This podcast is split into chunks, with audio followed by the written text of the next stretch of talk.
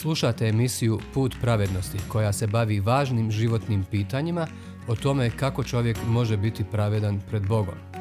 Ako imate bilo kakvih pitanja ili komentara vezano za današnju emisiju, na kraju ćete imati informacije kako nas kontaktirati.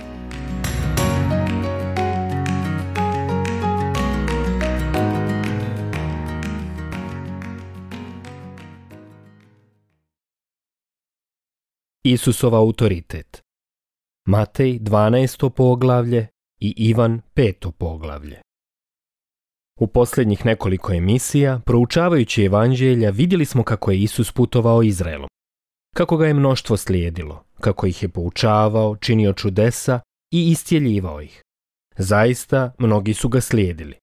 To je izazvalo zavist kod vjerskih vođa koji nisu mogli da se nose s mesinom mudrošću. Nisu ni mogli poreći sve što je čudesno činio. Danas idemo korak dalje baš u tom pravcu. Kako se Isus sukobljavao s vjerskim vođama u pogledu subote, to jest dana odmora.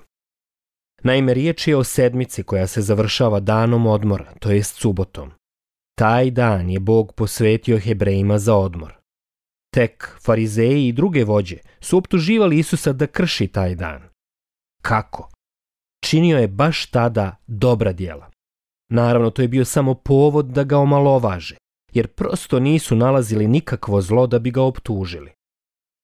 Otvaramo evanđelje po Mateju, 12. glava.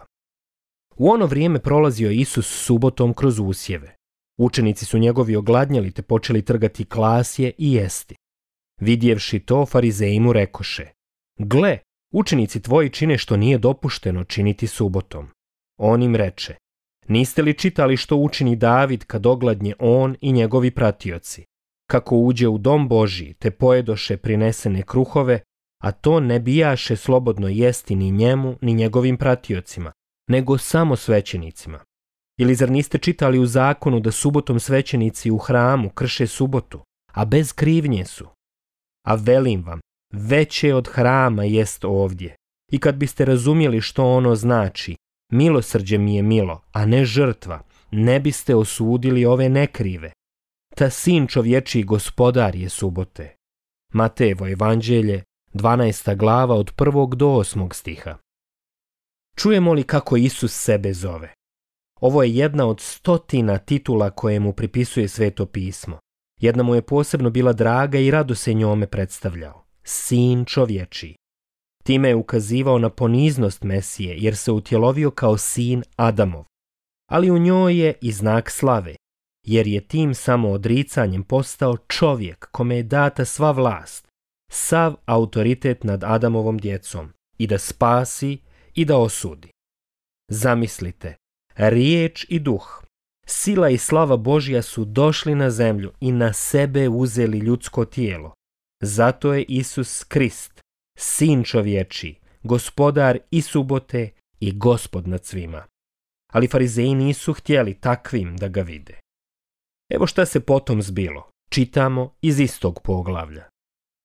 Otišavši odande, dođe u njihovu sinagogu. Kad gle čovjeka s usahlom rukom, a oni upitaše Isusa da bi ga mogli optužiti. Je li dopušteno subotom liječiti? On im reče, tko to od vas jedinu ovcu koju ima ne bi subotom prihvatio i izvadio kad bi mu upala u jamu? A koliko je čovjek vredniji od ovce? Tako, slobodno je subotom činiti dobro. Tada reče čovjeku, ispruži ruku. On je ispruži i ruka mu zdrava kao i druga. A farizeji iziđoše i održaše vijećanje protiv njega, kako da ga pogube. Kad Isus to dozna, ukloni se odande. Za njim je išlo mnoštvo. On ih sve ozdravi.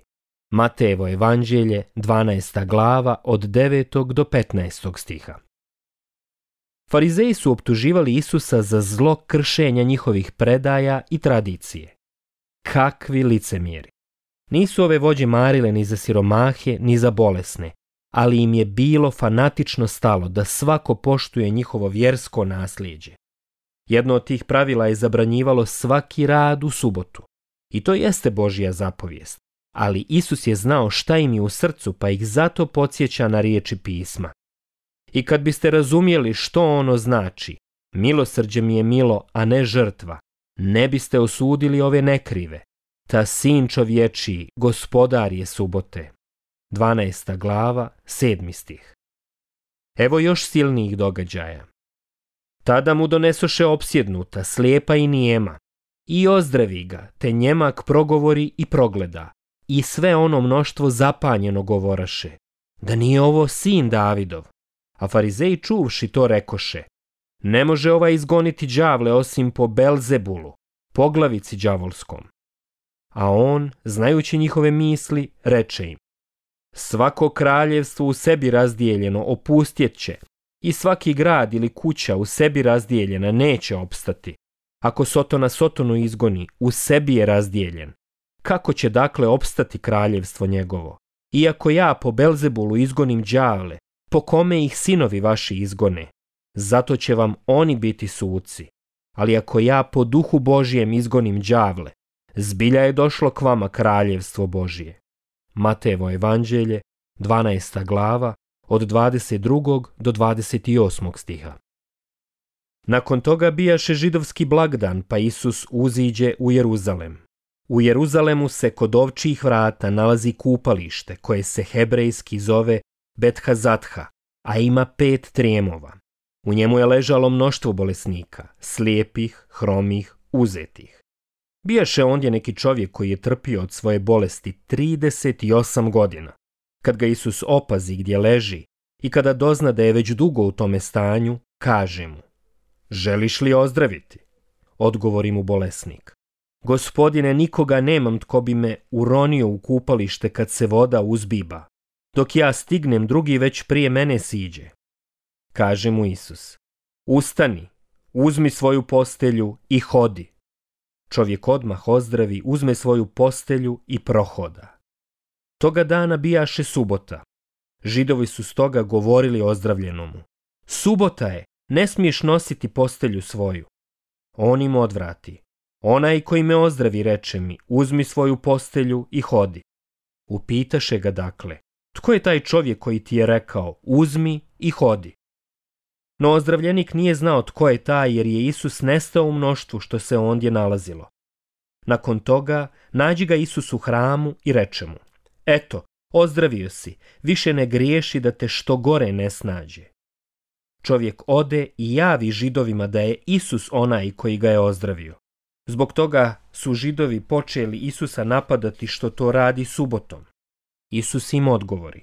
Otac moj sve do sada radi, pa i ja radim. Zbog toga su židovi još više gledali da ga ubiju, jer je ne samo kršio subotu, nego i Boga nazivao ocem svojim, izjednačujući sebe s Bogom. Ivanovo evanđelje, peta glava, od prvog do trećeg stiha i od petog do osamnaestog stiha. Zastanimo ovdje. Zašto su vjerske vođe odlučile ubiti Isusa? Zato što je kršio pravila o suboti? Ne. Ne samo zato.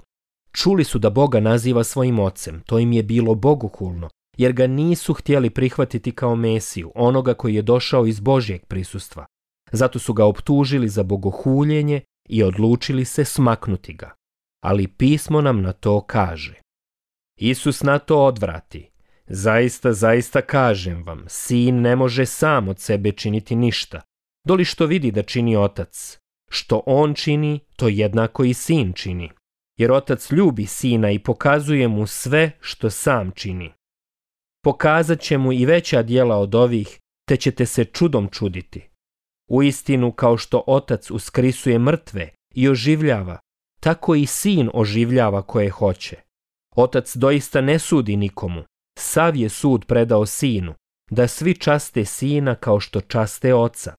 Tko ne časti sina, ne časti ni oca koji ga posla. Zaista, zaista kažem vam, tko sluša moju riječ i vjeruje onomu koji me posla, ima život vječni i ne dolazi na sud, nego je prešao iz smrti u život. Ako ja svjedočim sam za sebe, svjedočanstvo moje nije istinito. Drugi svjedoči za mene i znam. Istinito je svjedočanstvo kojim on svjedoči za mene. Vi ste poslali k Ivanu i on je posvjedočio za istinu. Ja ne primam svjedočanstva od čovjeka, već govorim to da se vi spasite. On bijaše svjetiljka što gori i svijetli, a vi se htjedoste samo za čas naslađivati njegovom svjetlosti. Ali ja imam svjedočanstvo veće od Ivanova, dijela koja mi je dao izvršiti otac, upravo ta dijela koja činim svjedoče za mene, da me posla otac. Pa i otac koji me posla sam je svjedočio za mene. Niti ste glasa njegova ikada čuli, niti ste lica njegova ikada vidjeli, ani riječ njegova ne prebiva u vama jer ne vjerujete onomu kojega on posla. Vi istražujete pisma jer mislite po njima imati život vječni. I ona svjedoče za mene, a vi ipak nećete da dođete k meni da život imate. Slave od ljudi ne tražim, ali vas dobro upoznah. Ljubavi Božije nemate u sebi. Ja sam došao u ime Oca svoga i vi me ne primiste. Dođi li tko drugi u svoje ime, njega ćete primiti. Tak kako biste vi vjerovali kad tražite slavu jedni od drugih, a slave od Boga jedinoga ne tražite. Ne mislite da ću vas ja tužiti ocu. Vaš je tužitelj Mojsije u koga se uzdate. Uistinu, kad biste vjerovali Mojsiju, i meni biste vjerovali. Ta o meni je on pisao, ali ako njegovim pismima ne vjerujete, kako da mojim riječima vjerujete? Ivanovo evanđelje, peta glava, od 19. do 24. stiha i od 31. do 47. stiha. Čujemo li kako Isus prekorijeva farizeje koji mu rade o glavi? Jasno im kaže, kogod odbaci Mesiju koga je Bog poslao s nebesa, odbacuje i svjedočanstvo njegovog dijela i učenja. Dakle, time odbacuju i svjedočanstvo Ivana Preteče i proroka Mojsija i sve spise pisma, u najkraćem, ko odbaci Mesiju, odbacuje samog Boga. Ko ne poštuje poslanog sina, ne poštuje ni oca koji ga je poslao. Odbacivanje autoriteta Isusovog učenja je odbacivanje Božijeg autoriteta. Isus je riječ Božja, poslanik kome je Bog povjerio sav sud, sav autoritet.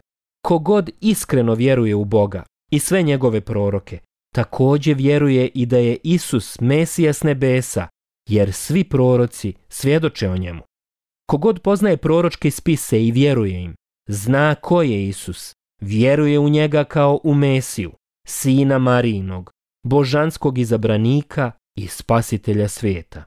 Baš o tome Isus govori vjerskim vođama. Vi istražujete pisma jer mislite po njima imati život vječni.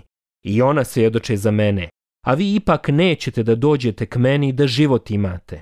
Ne mislite da ću vas ja tužiti ocu, vaš je tužitelj Mojsije u koga se uzdate. U istinu, kad biste vjerovali Mojsiju i meni biste vjerovali, ta o meni je on pisao, ali ako njegovim pismima ne vjerujete kako da mojim riječima vjerujete. Ivanovo evanđelje, peta glava, 39. i 40. stih i od 45. do 47. stiha. Ako kažemo da vjerujemo prorocima, onda moramo da vjerujemo i u onoga o kome oni svjedoče, u Isusa, Mesiju. Mnogi lako i brzo povjeruju ljudima, ali ne i prorocima koji su pisali sveto pismo. Vjeruješ li prorocima? Dijela apostolska, 26. glava, 27. stih. Ali ovdje moramo završiti.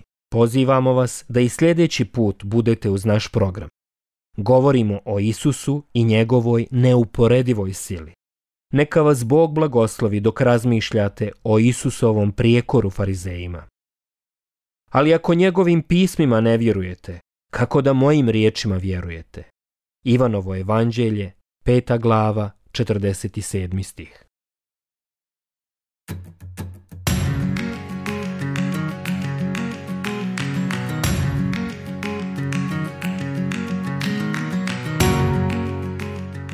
Hvala vam što ste slušali današnju emisiju. Kontaktirajte nas putem našeg e-maila putpravednosti.bih.gmail.com ili putem naše Facebook stranice Put pravednosti. Do sljedećeg slušanja.